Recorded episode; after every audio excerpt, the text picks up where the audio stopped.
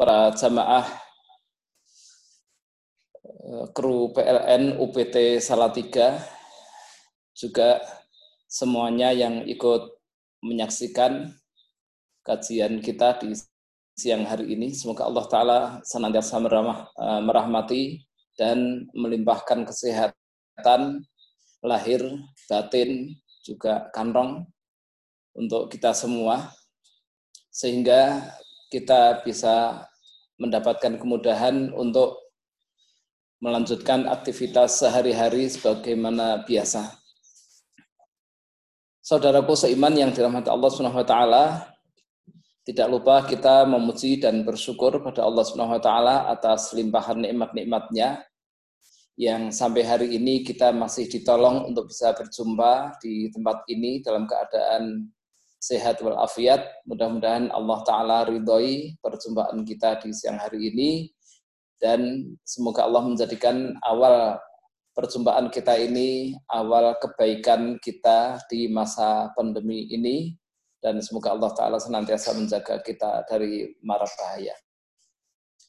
Salawat dan salam semoga dilimpahkan pada Nabi kita Muhammad Sallallahu Alaihi Wasallam juga para sahabat para tabi'in, para tabi'ut tabi'in, dan para ulama, serta seluruh kaum muslimin yang mencintai, mempelajari, dan mengamalkan risalah beliau sampai yang kiamah nanti. Amin ya rabbal alamin. Pada pertemuan kali ini, insya Allah kita akan berbicara tentang apa yang sedang kita hadapi, di mana kita sedang menghadapi musibah wabah corona juga sebentar lagi kita akan berjumpa dengan bulan Ramadan jika Allah Ta'ala memberi kita panjang umur. Baik kita nanti akan diberikan panjang umur atau tidak, bisa berjumpa dengan bulan Ramadan atau tidak, minimal kita mempelajari apa saja yang mesti kita persiapkan menghadapi bulan Ramadan, wabil khusus di masa-masa seperti sekarang ini. Dengan memohon pertolongan pada Allah Subhanahu wa taala, mari kita mulai. Pembahasan kita ada dua, ya. Yang pertama persiapan menghadapi Ramadan, yang kedua eh, sepuluh maksiat untuk mencegah virus corona. Mengenai persiapan Ramadan, ini ada empat hal ya yang perlu kita perhatikan. Yang pertama tentunya kita berdoa kepada Allah Subhanahu wa taala sebagaimana Al Hasan Al Basri rahimahullah taala juga ulama yang lain memberikan contoh pada kita mereka senantiasa berdoa kepada Allah taala untuk dipertemukan di bulan Ramadan yang akan datang. Bahkan enam bulan sebelum Ramadan mereka sudah berdoa Nah, apalagi kita ini bukan sebelum bukan enam bulan, enam hari kita ini, insya Allah berjumpa dengan Ramadan, maka harus lebih banyak berdoa. Di antara doa para salafus soleh adalah Allahumma balighna Ramadan wa salim li Ramadan mutakobbala. Ya Allah, pertemukan saya dengan bulan Ramadan dan selamatkan aku di bulan Ramadan dalam keadaan memiliki amal yang diterima. Ini ini kalau doanya lupa, ya udah kita doa bahasa Indonesia aja. Ya Allah, saya mohon keselamatan sampai bulan Ramadan. Saya mohon dipertemukan dengan bulan Ramadan, diberikan kesehatan, seperti itu doa kita panjatkan di setiap saat ada waktu-waktu dan tempat-tempat yang doa itu mustajab kita panjatkan. Kemudian yang kedua kita membekali bulan Ramadan ini dengan ilmu. Kenapa dengan ilmu? Imam Syafi'i rahimahullah taala mengatakan man arada al-akhirah fa'alaihi bil ilmi wa man arada ad-dunya fa'alaihi bil ilmi wa man aradahuma fa'alaihi bil ilmi. Barang siapa pengen akhirat harus dengan ilmu. Barang siapa pengen urusan dunia harus dengan ilmu. Barang, barang siapa pengen keduanya harus dengan ilmu. Sebagaimana kita mau bercocok tanam, kita juga butuh ilmu cara bercocok tanam tentang alat, terus keadaan tanah, kemudian kecocokan cuaca dan seterusnya. Juga tentang pasar perlu kita pelajari agar pertanian itu berhasil. Kita mau bekerja di PLN, kita juga butuh ilmu bagaimana menjadi engineering, menjadi teknisi dan semuanya. Kita butuh ilmu. Mau masak, kita juga butuh ilmu. Jangan sampai memasukkan garam keliru mes. Ya, ya kan? Keliru mes, eh, kasihan nanti. Ya, begitu pula ibadah. Ibadah itu juga diperlakukan seperti halnya dunia. Jangan sampai keliru. Karena orang yang melakukan kegiatan di dunia ini bisa keliru, orang beragama pun juga bisa keliru. Jangan sampai mes dikira garam.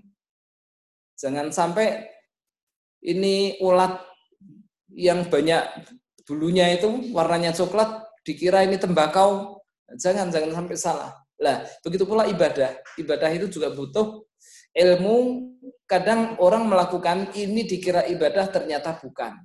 Itu dikira bukan ibadah dia tidak melakukannya ternyata itu adalah ibadah. Nah butuh ilmu. Allah Subhanahu wa taala berfirman di dalam surat Al-Isra ayat 36 wala taqfu ma laysa laka bihi ilmun. Inna sam'a wal basara wal fuada kullu ulaika kana anhu mas'ula kamu jangan ngurusi sesuatu yang kamu tidak punya pengetahuan padanya telinga mata dan hati besok akan akan ditanya ayo tok giopo nah, kan seperti itu nah, makanya kita beribadah ini juga butuh ilmu Taunya ini ibadah dari mana? Dari Al-Quran dan dari hadis Nabi Shallallahu Alaihi Wasallam.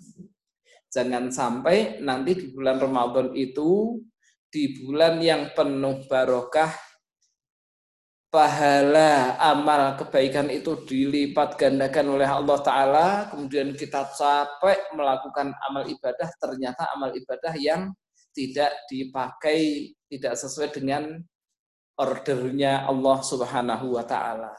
Nah, maka kita, perlu kita perhatikan ya.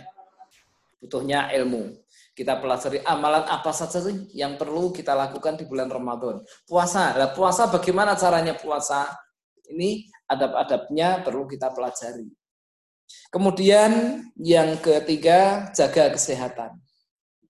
Memang banyak ya orang yang punya ungkapan bahwa orang yang sakit itu mendapatkan pahala seperti di waktu dia sehat. Maksudnya begini, kalau orang terbiasa sholat berjamaah, kemudian dia sakit dan terhalang untuk melakukan sholat berjamaah, maka walaupun dia tidur di rumah dalam keadaan menahan sakit, waktunya sholat berjamaah dia tidak ke masjid, maka dia pun akan mendapatkan pahala sholat berjamaah. Ini kalau sudah terbiasa.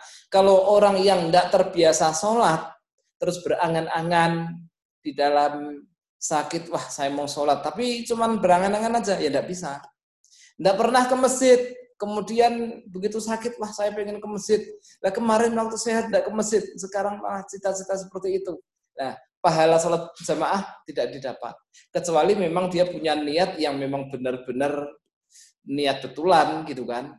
Dulu tidak sholat berjamaah ke masjid karena tidak tahu keutamaannya. Begitu ikut pengajian tahu keutamaannya, tapi mau berangkat kok sakit. Atau sekarang tidak sakit, tapi masa-masa pandemi tidak boleh ngumpul-ngumpul. Berarti walaupun kita sholatnya di rumah, maka kita tetap mendapatkan pahala sholat berjamaah di masjid hanya berdasarkan niat saja dan sholatnya kenyataannya hanya di rumah. Itu didapatkan pahalanya. Nah, puasa perlu menjaga kesehatan seperti itu supaya kita bisa melakukan amalan secara maksimal. Untuk menjaga kesehatan ini tentu kita menjaga makanan, menjaga waktu, menjaga kegiatan semuanya diatur dengan sedemikian rupa. Baik, kemudian yang keempat adalah butuh adanya semangat ya menghadapi Ramadan ini kalau ada semangat. Kenapa orang semangat? Karena orang faham akan keutamaan di bulan Ramadan. Jika tidak tahu tentang keutamaan Ramadan, bagaimana orang bersemangat? Orang tidak tahu kalau uang itu berguna. Bagaimana orang itu akan ber, bersungguh-sungguh untuk mencari uang? Tidak, tidak akan. Orang bersungguh-sungguh mencari uang karena mereka faham bahwa uang itu segala-galanya. Orang nikah butuh uang, orang makan butuh uang, orang mandi butuh uang, ke kamar mandi butuh uang, semuanya butuh uang sekarang ini. Nah, begitu banyak manfaat uang sehingga orang berlomba-lomba mengejar uang. Orang yang mengetahui keutamaan ibadah di bulan Ramadan, maka dia akan semangat. Jika tidak, dia juga tidak semangat. Nah, kalau orang sudah tahu keutamaan Ramadan, kemudian dia bersemangat untuk menggapai bulan Ramadan biar bisa jumpa Ramadan, maka dia akan berdoa. Dia akan bersemangat agar amalannya di bulan Ramadan nanti diterima, maka dia pun rajin bertanya kepada ahli ilmu untuk ngecek konfirmasi amalan yang akan kita lakukan selama ini sudah benar apa belum. Pak D, Pak D Kiai, saya itu mau sholat terawih. Oh yo, madep kiblat pemadep ngetan Pak Kiai. Nah, gitu kan. Kalau Pak Kiai bilang madep kiblat, oh ya. Kalau ternyata tidak tahu, maka ditanyakan seperti itu. Baik. Ini sedikit persiapan mengenai Ramadan. Ada beberapa hal yang sengaja tidak saya terangkan di sini untuk saya tunggu barangkali ada feedback dari para pemirsa semuanya. Untuk kaitannya dengan masalah pandemi Corona 19 ya COVID-19 ini saya bawakan uh, makalah 10 wasiat Syekh Abdul Razak bin Abdul Muhsin Al-Badr hafizahullahu taala. Yang pertama di sini ya, wasiat yang pertama adalah memperbanyak bacaan untuk mencegah bahaya. Ya, khususnya ini di pagi dan sore agar membaca doa untuk mencegah bahaya. Dalam hadis yang diriwayatkan oleh Imam Abu Dawud dan lain-lain, Nabi Wasallam memberikan contoh Bismillahilladzi la yadurru ma'asmihi syai'un fil ardi wala fis sama' wa huwa sami'ul alim. Ya, dengan menyebut nama Allah yang bersama nama Allah Ta'ala segala sesuatu yang ada di bumi dan yang ada di langit tidak akan memberikan bahaya. Dan dia Allah maha mendengar lagi maha melihat. Ya, jadi sesuatu yang ada di langit dan ada di bumi tidak akan mendatangkan bahaya, termasuk virus corona. Ini sesuatu yang ada di bumi, ya, tidak akan memberikan bahaya. Makanya kita memohon kepada Allah Ta'ala agar tidak mendapatkan bahaya COVID-19. Yang kedua, memperbanyak doanya Nabi Yunus. Ya, doa Nabi Yunus, Nabi yang ditelan ikan. Ini dikenal la ilaha illa anta subhanaka inni kuntu minal zalimin. Ini Allah Ta'ala berfirman dalam surat Al-Anbiya ayat 87 dan 88. Wa dhannuni mughadiban fa dhanna allan alaihi fil dhulumati alla ilaha illa anta subhanaka inni kuntu minal zalimin. Fastajaba lahu wa najainahu minal gham wa kadzalika nunjil mu'minin. Dan ingatlah Nabi Yunus yang ditelan ikan nun alaihi salam ketika dia meninggalkan kampung halamannya karena marah gara-gara beliau berdakwah tapi diejek oleh kaumnya. Kemudian dia menyangka Allah Ta'ala tidak mampu memberi hidayah mereka. Dikira Allah tidak akan memberi hidayah mereka. Akhirnya Nabi Yunus pergi meninggalkan kaumnya dan di tengah jalan mendapatkan musibah yang uh, kisahnya panjang yang akhirnya beliau uh, ditelan ikan paus. Hanya saja alhamdulillah ikan pausnya itu tidak ngunyah-ngunyah ya. Wah, kalau dikunyah-ngunyah keletak ya udah habis. Nah, langsung ditelan. Berada di dalam perut ini keadaannya gelap. Beliau mengatakan La ilaha illa anta, tidak ada ilah yang berhak disembah dengan benar kecuali engkau ya Allah. Subhanaka maha suci engkau ya Allah. Ini kuntu minal zalimin. Saya salah ini. Fastajabna lahu. Maka doa dia saya kabulkan. Wa nadzainahu minal gham. Dan kami selamatkan dari kegelapan. Wa kadzalika nunjil mukminin begitulah Allah taala menyelamatkan orang-orang yang beriman. Jadi sekarang kita berada dalam kegelapan ini, kegelapan karena sulit untuk keluar dengan bebas karena ada pandemi. Oleh karena itu, seperti yang dilakukan oleh Nabi Yunus alaihissalam, beliau mengucapkan la ilaha illa anta subhanaka inni kuntu minal zalimin. Bentuk dikabulkannya doa seorang hamba ketika ada wabah itu di antaranya ketika hamba itu taat kepada pemimpin. Dulu di Sam pernah terjadi ada wabah taun. Kemudian gubernurnya bernama Amr bin As radhiyallahu taala anhu mengatakan, "Weh, manusia sekalian, ini wabah ini adalah api, bahan bakarnya sampean semua, bubar." Wah, gitu kan. Kata uh, gubernur, akhirnya mereka berpencar ke gunung-gunung tidak ada yang bergerombol. Mereka isolasi mandiri. Eh, lari meninggalkan kerumunan dan akhirnya tidak lama kemudian Allah Ta'ala cabut wabah tersebut dan mereka kembali lagi dalam keadaan aman. Nah sekarang zaman kita suruh isolasi mandiri sulit, suruh di rumah sulit. Alasannya mangan nopo, kowe ngono gajian laku. Jadi dulu zaman di Sam itu dikatakan oleh gubernur bubar, mangan apa? Tidak ada yang bilang seperti itu. Nah kita ini makanya ramai space gitu loh, para pemirsa. Wabahnya tidak habis habisnya karena kita sulit disuruh taat kepada pemerintah. Kayak mana kok cinta NKRI ini? Nah, kan seperti itu. Ya. Makanya ya minimal kalau orang gelem kalau tidak mau di rumah lah. Kalau tidak mau di rumah tetap keluar karena sesuatu yang memang mendesak, tidak bisa ditinggal, ya berarti memperbanyak doa Nabi Yunus tadi. La ilaha illa anta subhanaka inni kuntu minal zalimin. Baik. Kemudian yang ketiga. Yang ketiga itu adalah berlindung kepada Allah dari beratnya musibah. Nabi bersabda, "Ta'awwadhu billah min zahdil bala wa tarkis syaqa wa su'il qadha wa samatatil a'da." Ya, berlindunglah kepada Allah Subhanahu wa taala. Ya, berlindunglah kepada Allah Subhanahu wa taala dari musibah. Ya, berlindunglah kepada Allah taala dari beratnya musibah tertimpa kebinasaan, takdir yang buruk dan rasa senangnya musuh.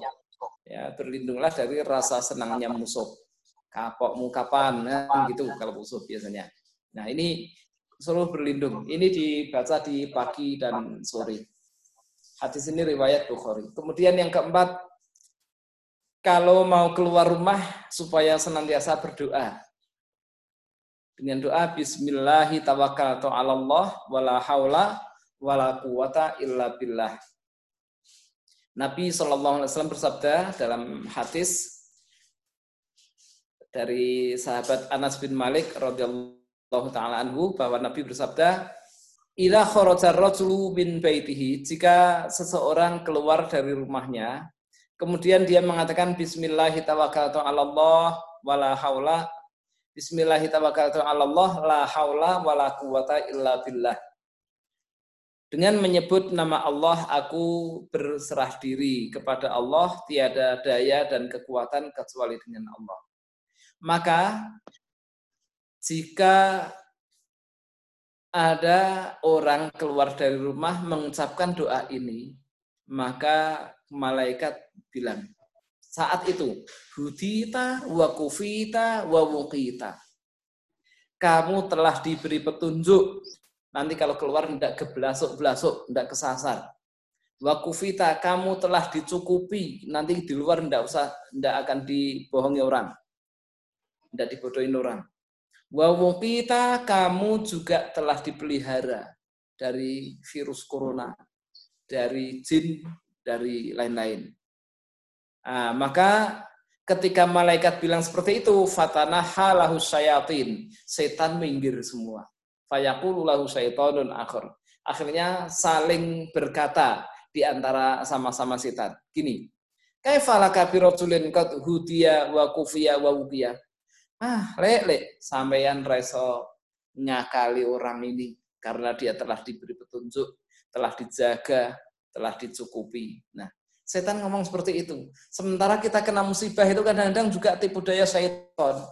Orang naik mobil dengan keadaan kencang, ya setan masuk. Buru-buru ya kan? Kita jalan pelan. Dari rumah itu saya udah mau berjalan maksimal 80 eh ternyata ada orang nyalip sambil klakson tin tin tin. Seperti menghina. Setan masuk salib. Nah, akhirnya kita ngejar Tahu-tahu setan itu menjelma orang nyebrang, padahal tidak ada orang nyebrang. Nah kita menghindar, nabrak, padahal tidak ada apa-apa. Nah, ini setan kadang-kadang ikut nimbrung dalam perjalanan kita. Perlu doa Bismillahi tawakkaltu Allah la haula wala quwata illa billah. Termasuk biar tidak terkena uh, virus ini. Baik, kemudian yang kelima memohon keselamatan Eh, kepada Allah Subhanahu wa taala. Kemudian yang keenam yang keenam kita memohon ya masih memperbanyak doa. Memperbanyak doa. Doa apa saja yang bermanfaat untuk kita, untuk keluarga kita, untuk anak istri, tetangga, teman-teman semuanya kita doakan. Kemudian yang ketujuh tidak mendatangi tempat tersebarnya wabah. Ini Nabi Wasallam bersabda, "Ida sami'tum bihi bi ardin fala taqaddamu alaihi wa idza waqa'a bi ardin wa antum biha fala takhruju firaran minhu." Jika kalian mendengar ada suatu daerah itu zona merah, gitu kan bahasa kita. Maka kamu jangan masuk.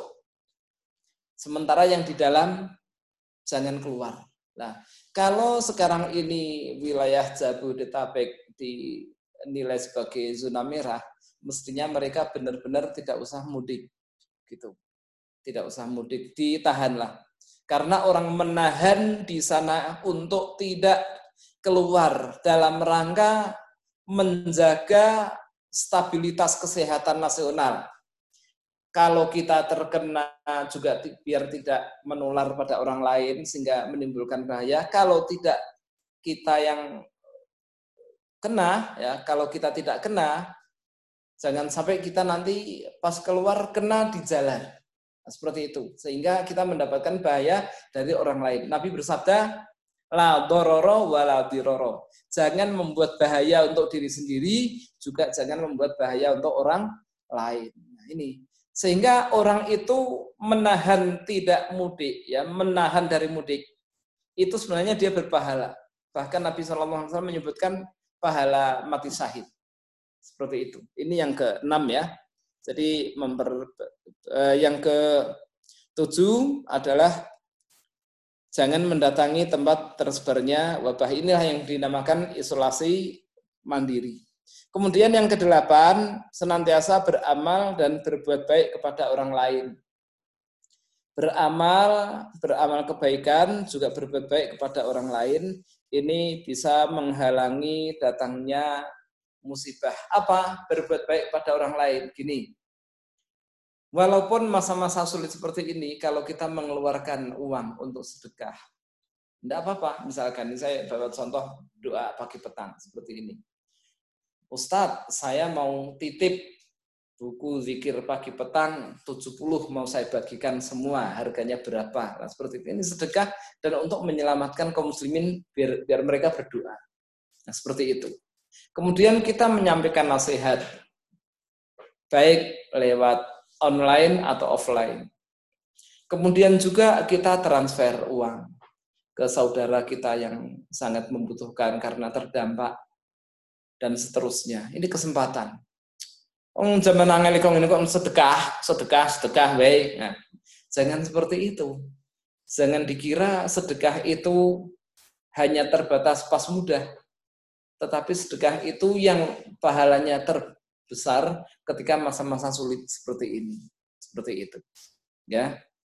Selain sedekah berbuat baik pada orang lain, di antaranya kita membuat mudah orang yang ingin melakukan sebuah kegiatan kebaikan.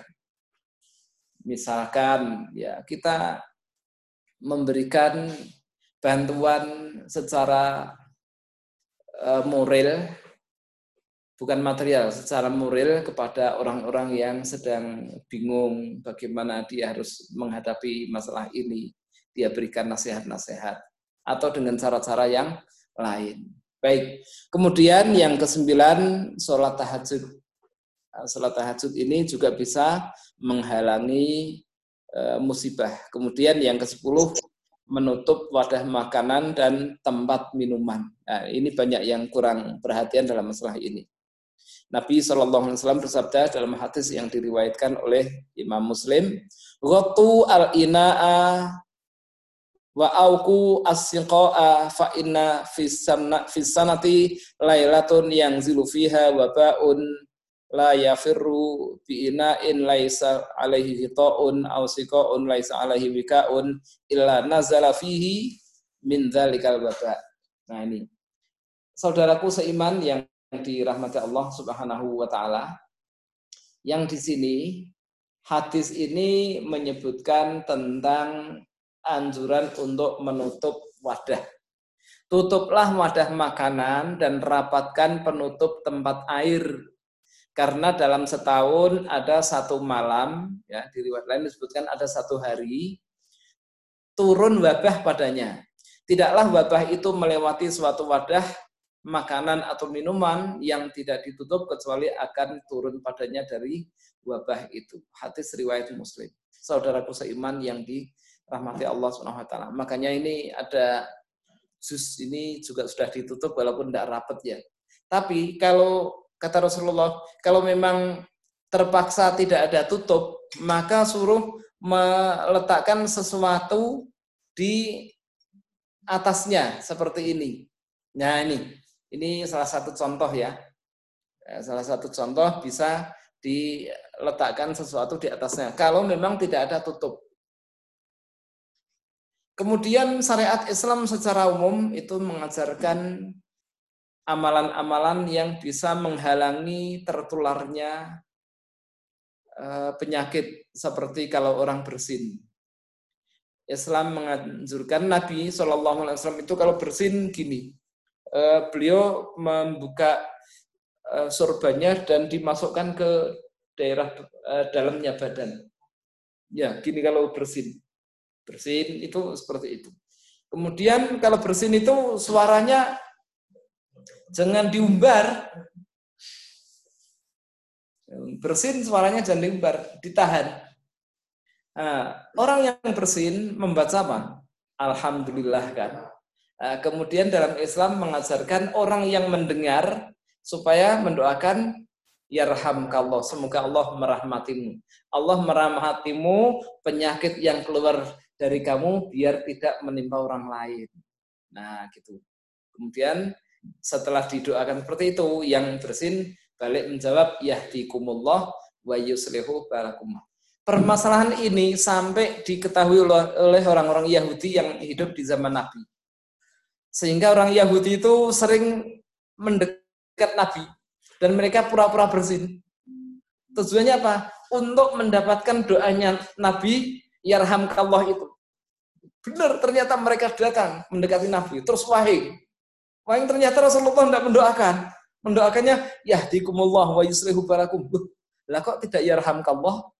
Nah, karena memang mendoakan rahmat untuk orang yang tidak Islam tidak boleh. Tapi kalau mendoakan untuk mendapatkan petunjuk boleh. Makanya Nabi yahdikumullah wa yuslihu balakum gitu tidak pakai yarhamkallah. Jadi orang kafir pun sampai tahu dan mengharapkan dekat dengan orang Islam biar didoakan gitu loh. Yarhamkallah yahdikumullah itu tadi. Nah, ini aturan di dalam syariat Islam mengenai bersin, mengenai batuk, terus menguap. Islam juga mengajarkan untuk ditutup mulutnya. Nah, sekarang ini ternyata kita disuruh pakai masker, ya kan? Masker ini perlu dipertahankan walaupun tidak ada uh, wabah itu pakai masker juga perlu. Tapi kalau pas makan minum ya jangan pakai masker. Nah, baik mungkin itu ya yang bisa kita sampaikan. Terima kasih atas segala perhatiannya. Kemudian sebagai penutup adalah uh, keutamaan sabar. Bahwa Allah Subhanahu wa taala berfirman innama yuwaffas sabiruna ajrohum bighairi hisab orang-orang yang bersabar itu balasannya hanya pahala yang tidak terbatas. Ganjaran orang yang bersabar itu hanya pahala yang tidak terbatas. Jadi tidak diukur oleh Allah Ta'ala. Banyak sekali orang yang bersabar. Sabar untuk menahan diri dari keluar rumah dalam rangka eh, kebaikan bersama agar tidak semakin menyebar wabah ini. Sabar dalam hal menjalankan ibadah biar uh, betah suwi, biar tahan lama.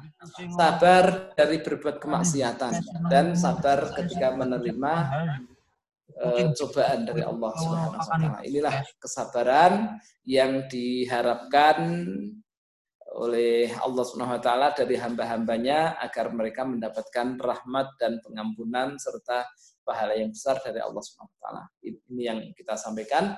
Wallahu taala alam walhamdulillahi rabbil alamin. Terima kasih Bapak Ibu, mungkin ada yang perlu ditanyakan, silakan kirim ke saya atau lewat DM. Ustaz, mau tanya ini ada teman-teman kemarin tuh mempertanyakan untuk ibadah sholat teman-teman diimbau untuk tidak ke jamaah sholat di masjid. Pertanyaan itu dulu teman-teman ada mendengar uh, sebuah informasi bahwa jika tiga kali meninggalkan sholat Jumat dengan sengaja maka akan keluar dari Islam. Itu secara syarat secara Iya, Alhamdulillah wassalatu wassalamu ala Rasulillah wa ala alihi wa ashabihi wa mawalah amma ba'd. Terima kasih atas pertanyaannya. Semoga jawaban ini memberikan pencerahan pada kita semua bahwasanya hadis yang menyebutkan orang yang tidak mendatangi Jumatan tiga kali berturut-turut maka dia dicatat sebagai orang yang munafik. Itu orang yang men, tidak mendatangi Jumatan tanpa alasan yang dibenarkan. Adapun meninggalkan Jumatan karena alasan yang dibenarkan, seperti contoh sakit. Yang kedua, safar atau bepergian. Orang bepergian itu Jumatan juga bisa. Dia juga sehat, tidak sakit, tapi boleh tidak Jumatan orang yang safar itu. Kemudian yang ketiga, karena adanya khauf, rasa takut. Nah, di sini masuk di yang kita ini saat ini masuk yang kedua. Ya, yang ketiga yaitu khauf, takut takut akan menularkan wabah atau tertular wabah. Dan ini untuk uh, darul mafasid damun ala jalbil masoleh gitu kata ulama. Menolak bahaya itu lebih diutamakan daripada mengambil manfaat. Nah ini menolak bahaya. Kita mengadakan isolasi mandiri, eh, social distancing atau sekarang physical ya. Ini dalam rangka untuk mencegah terjadinya mandorot yang lebih besar. Maka ini tidak termasuk. Uh, dulu Ibnu Mas'ud radhiyallahu taala anhu beliau mengatakan supaya azan yang bunyi hayya ala sholah itu diganti sallu fi buyutikum. Nah, jadi orang azan itu Allahu Akbar, Allahu Akbar, dan seterusnya. Begitu sampai hayya ala sholah, hayya ala sholahnya ini diganti. Ala sallu fi buyutikum, ala sallu fi buyutikum, hayya ala falah, hayya ala falah, dan seterusnya. Nah, orang-orang pada heran. Nah, uh, gumun sampean, kan gitu kata Ibnu Mas'ud ini telah dilakukan oleh orang yang lebih baik dari kalian, yaitu Nabi Muhammad Sallallahu Alaihi Wasallam. Jadi sholat cukup di rumah. Jumatan diganti dengan sholat zuhur. Ini bukan sesuatu yang aneh di dalam Islam. Bukan sesuatu yang aneh. Hal yang wajar. Dan terjadinya wabah itu juga tidak hanya sekarang. Zaman para ulama terdahulu, zaman Nabi juga pernah terjadi. Nah, seperti itu. Wallahu taala alam. Jadi tidak ada hubungannya antara Jumatan tiga kali ditinggalkan ini eh, dihukumi munafik dengan sekarang ini kita tidak boleh Jumatan, tidak ada hubungannya. Karena itu bagi orang yang tidak punya alasan yang benar. Jadi sengaja ada Jumatan tanpa halangan apa pun. Kalau sekarang tidak Jumatan karena ada alasan yang dibenarkan oleh syariat gitu. Wallahu taala alam pertanyaan selanjutnya. Pertanyaan selanjutnya, eh, jika ada yang ingin menyelenggarakan eh, hajat pernikahan hmm. ketika eh, wabah pandemi, itu apakah itu lebih dahulu sampai pandeminya selesai atau segerakan? Kalau masalah akad nikah disegerakan, karena memang Nabi Shallallahu Alaihi Wasallam menganjurkan uh, agar disegerakan karena takut terjadinya fitnah yang lebih besar. Hanya saja diikuti protokol yang telah disampaikan oleh pemerintah. Ya ini hanya kabar-kabar dianggap ngguyoke ya terserah, tapi ya ini kesempatan. Eh, gini ya, di masa-masa orang itu melakukan itu dipersulit kalau masa-masa sekarang ini karena kabeh sulit itu justru malah dipermudah. Jadi kalau dahulu itu orang mau nikah kan nunggu nanti punya uang, wali mahanya bagaimana, nyewa gedung dan itu sekarang kan tidak perlu. Udah yang penting ada eh, kedua mempelai yang sama-sama ridho, ada wali, ada dua orang saksi, ada mahar, kan gitu. Kemudian ijab kabul. Berarti butuh berapa orang itu? Kedua mempelai, dua, walinya satu, saksi laki-laki dua, butuh lima orang. Diajak ke warung Padang, 15 ribuan, kan tidak sampai 100 ribu kan itu? Nah, kan gitu, biaya walimah itu. Oh gitu loh. Sekarang aja kalau mau nikah, justru sekarang ini nah, mau nikah atau nikah lagi, mungkin lebih dimudahkan barangkali. Hah? Akad lewat telepon, akad lewat uh, seperti ini, Zoom, itu juga sudah ditanyakan ke para ulama. Jika memang bisa di jaga uh, ke aktualitas aktualitasnya bisa dijaga, maka itu diperbolehkan. Bener enggak? Artinya bukan rekayasa gitu loh. Kan memungkinkan toh bisa bisa rekayasa. Hmm. Pertanyaan selanjutnya, bagaimana hukumnya secara Islam dengan sholat berjamaah di kondisi seperti ini harus menjaga jarak dan juga harus memakai masker dan menjaga jarak soft. Ya. Mengenai sholat berjamaah, pertanyaan yang pertama, dengan cara protokol seperti itu, menjaga jarak, merenggangkan soft, itu bisa menjamin aman dari tertular penyakit apa tidak? Gitu. Kalau memang bisa menjamin, maka wow. merapatkan soft itu sebagian ulama mengatakan hukumnya sunnah. Ulama yang lain mengatakan hukumnya wajib. Nah, jadi kalaupun tidak rapat softnya juga sudah sah sholatnya gitu. Tetapi itu menjamin apa tidak? Kalau tidak menjamin ya mendingan sholat di rumah, pahala jamaah juga juga dapat gitu loh. Pahala sholat jamaah, pahala jumatan itu dapat. Walaupun kita sholatnya ternyata zuhur di rumah sendirian, kadang justru kesempatan jamaah dengan anak-anak, dengan istri kan gitu. Itu loh, lebih baik, lebih baik di di rumah. Tidak perlu ngoyo mempertahankan kita harus ke masjid terus dengan protokol seperti itu. Kan ya lebih murah di rumah toh. Tidak perlu jalan kaki, tidak perlu cuci tangan kan kalau ke masjid tidak perlu bawa sajadah sendiri kan nah, kalau di rumah wong pahala jalan ke masjid juga dapat walaupun tidak jalan ke masjid tapi pahala berjalan ke masjid didapat asal memang dia memang sudah kebiasaan orang yang sholatnya di masjid. Nah, gitu. dan saya mengalami sendiri ya eh, ketika kita umumkan di masjid Jumatannya untuk mulai Jumat yang akan datang kita tidak ada sholat zuhur di rumah masing-masing dan sholat jamaah mulai nanti tidak ada itu banyak yang protes. Sholat jamaah kok rai itu?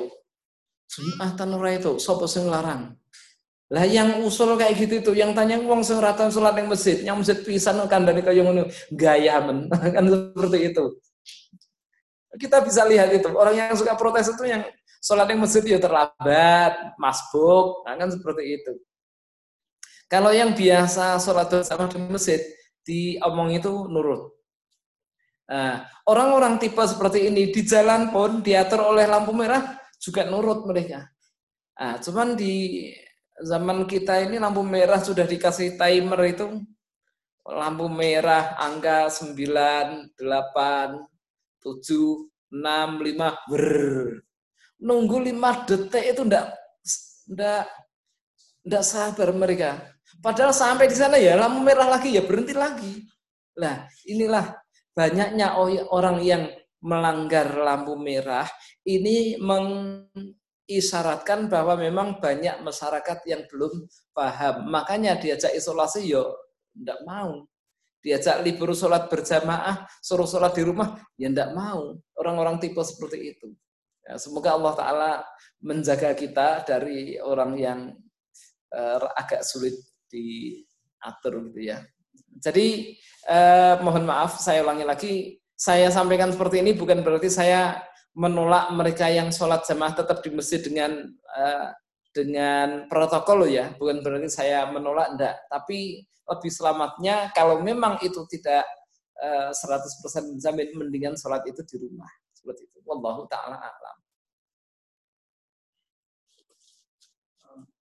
Pertanyaan selanjutnya, uh, bagaimana agar kita tetap tenang dan sabar dalam menghadapi cobaan dalam uh, masa pandemi. Iya. Pertanyaan pertanyaannya bagaimana agar kita diberikan kekuatan oleh Allah Ta'ala untuk bersabar di masa-masa pandemik seperti ini. Seperti ini ya, pandemi COVID-19. Gini, sabar itu ada tiga tempat, kata Syekh Nasir Asadi rahimahullah ta'ala. Pertama, sabar ketika menjalankan ketaatan. Yang kedua, sabar dari maksiat. Kemudian yang ketiga, sabar ketika menerima takdir yang buruk atau sabar ketika mendapatkan musibah. Kita ini yang tidak terpapar juga ternyata kena musibah juga. Nah, juga namanya apa ter apa tidak terpapar tapi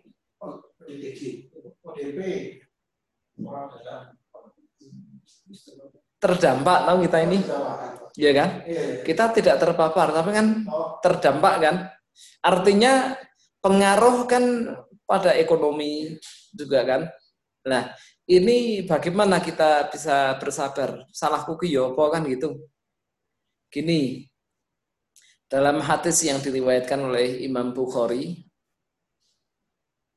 eh, dari Aisyah radhiallahu taala anha beliau mengatakan saat itu Rasulullah sallallahu alaihi wasallam anit ta'un fa akhbaroni annahu adzabun yab'athuhu Allahu ala man yasha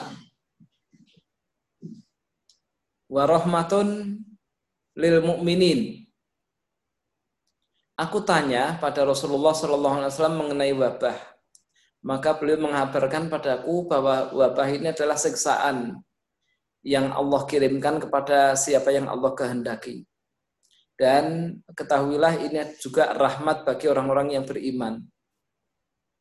Orang yang menahan diri di dalam rumah, bersabar mengharapkan pahala dari Allah Ta'ala dan dia punya keyakinan bahwa tidak akan terpapar kecuali atas takdir dari Allah Subhanahu wa taala maka orang ini mendapatkan pahala mati syahid. Orang ini mendapatkan pahala mati syahid. Nah, gitu. Jadi bagaimana cara kita bersabar? Kita ingat Eh, keutamaan orang bersabar menghadapi musibah ini. Ternyata pahalanya besar. Bagaimana dikatakan adabun yursiluhullahu ala mayasa siksaan ya wabah ini adalah siksaan yang Allah kirimkan untuk orang-orang yang Allah kehendaki adalah ahlul kufar wal ma'asi orang-orang yang kafir dan gaya ini tukang maksiat kita ini luar biasa maksiatnya. Jadi dansa di sana sini orang tidak membedakan antara ini teman kerja, ini istri, ya kan? Istri jadi teman kerja, teman kerja jadi istri kan gitu. Nah, kemudian orang juga tidak membedakan ini harta halal apa haram. Yang penting ini peluang, nah, peluang masuk, nah, seperti itu. Maksiat di mana-mana kita ini.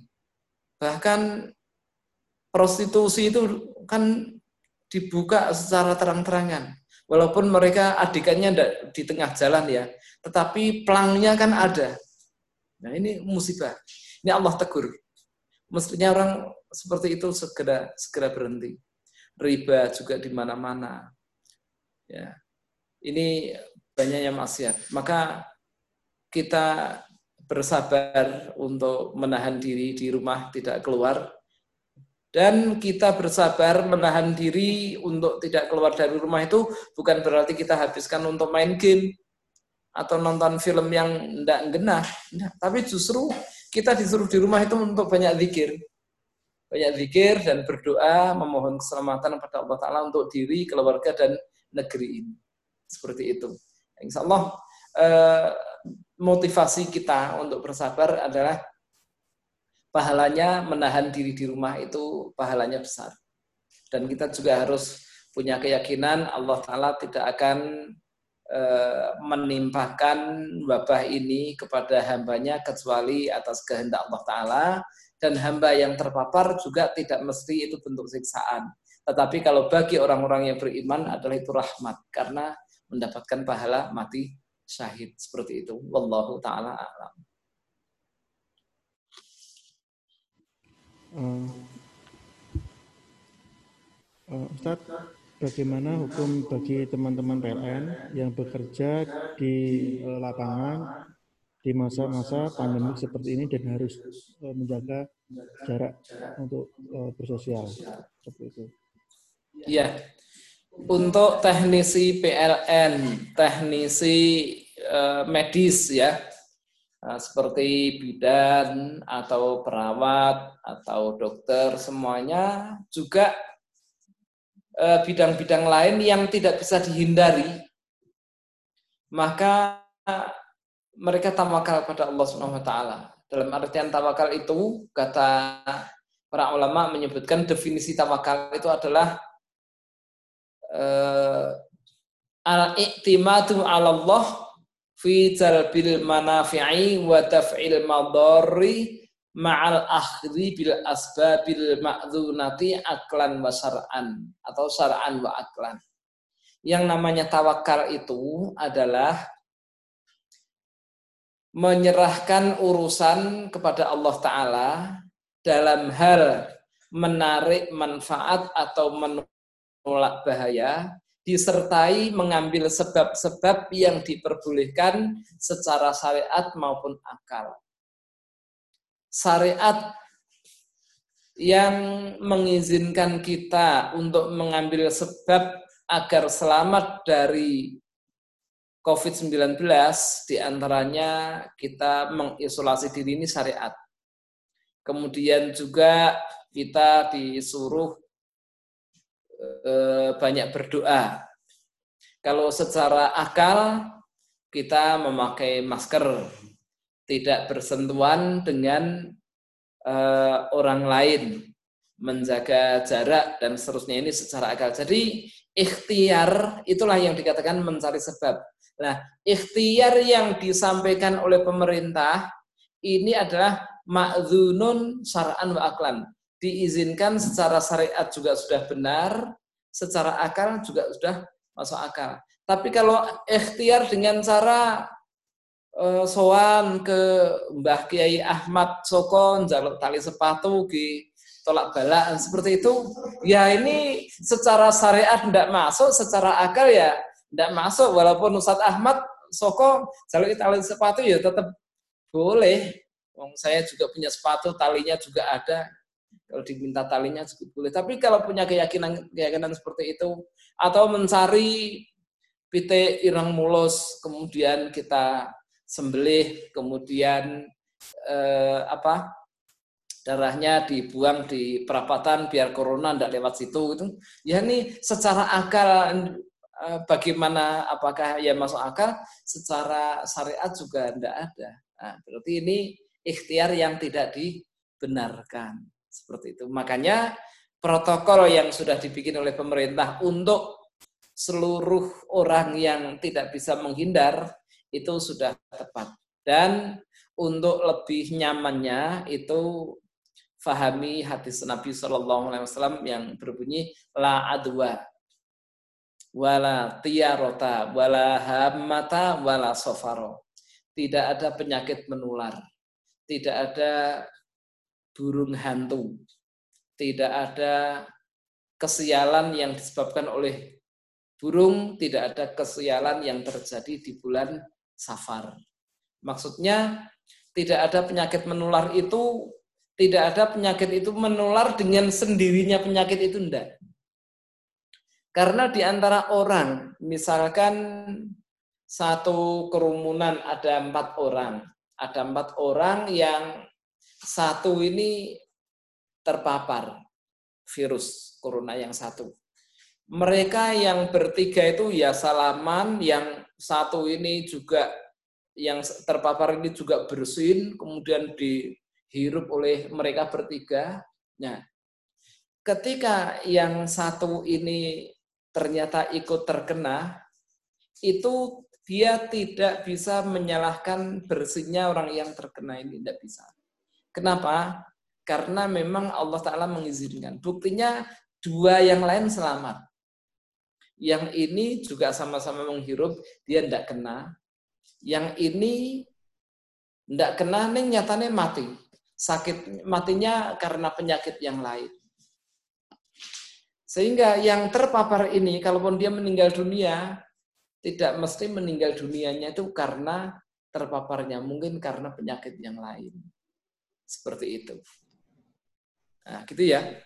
Jadi eh, kita kita jaga uh, protokol yang sudah ada ini sudah sudah sesuai dengan syariat dan akal.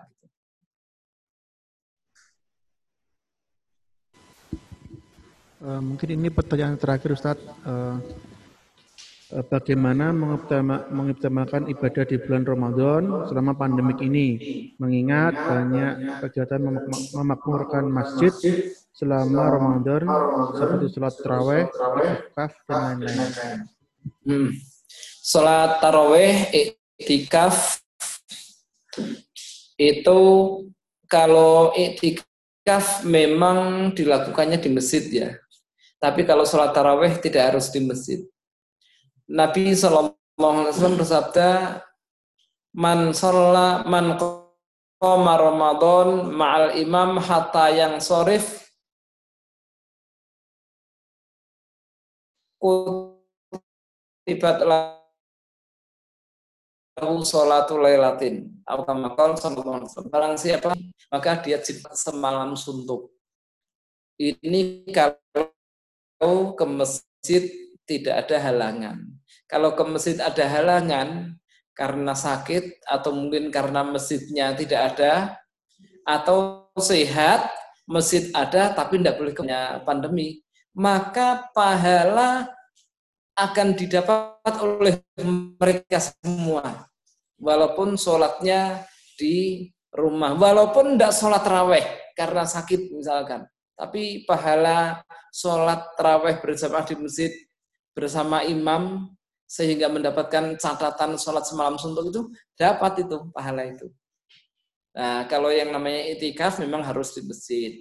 Kalau itikaf harus di masjid, nanti kalau sampai 10 hari yang terakhir kok masih ada wabah, maka kita tidak itikaf.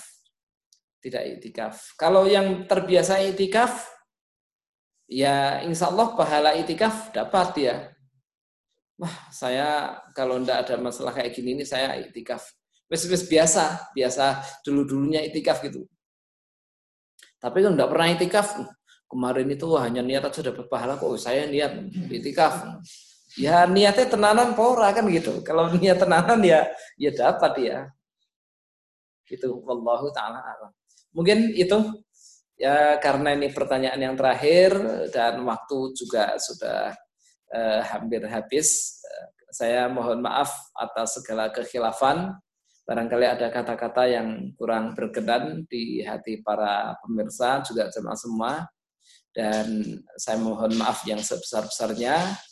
Apa yang saya sampaikan tadi jika ada benarnya itu datangnya dari Allah dan Rasulnya. Saya hanya menyampaikan saja tapi kalau ada yang salah itu dari saya dan dari syaitan. Semoga Allah Ta'ala mengampuni dosa-dosa kita semua dan saya harap para jamaah untuk bisa konfirmasi dan ngecek ulang apa yang saya sampaikan ini karena memungkinkan juga ada yang keliru jadi perlu ada uh, uh, dicek lagi kalau menyebutkan ayat atau hadis barangkali ada yang keliru. Insya Allah ini materinya tentang 10 wasiat eh, tadi itu bisa saya kirimkan ke Mas Arif atau yang lain ya. Nanti bisa dibagi-bagikan seperti itu. Wallahu taala alam. Wassalamualaikum warahmatullahi wabarakatuh.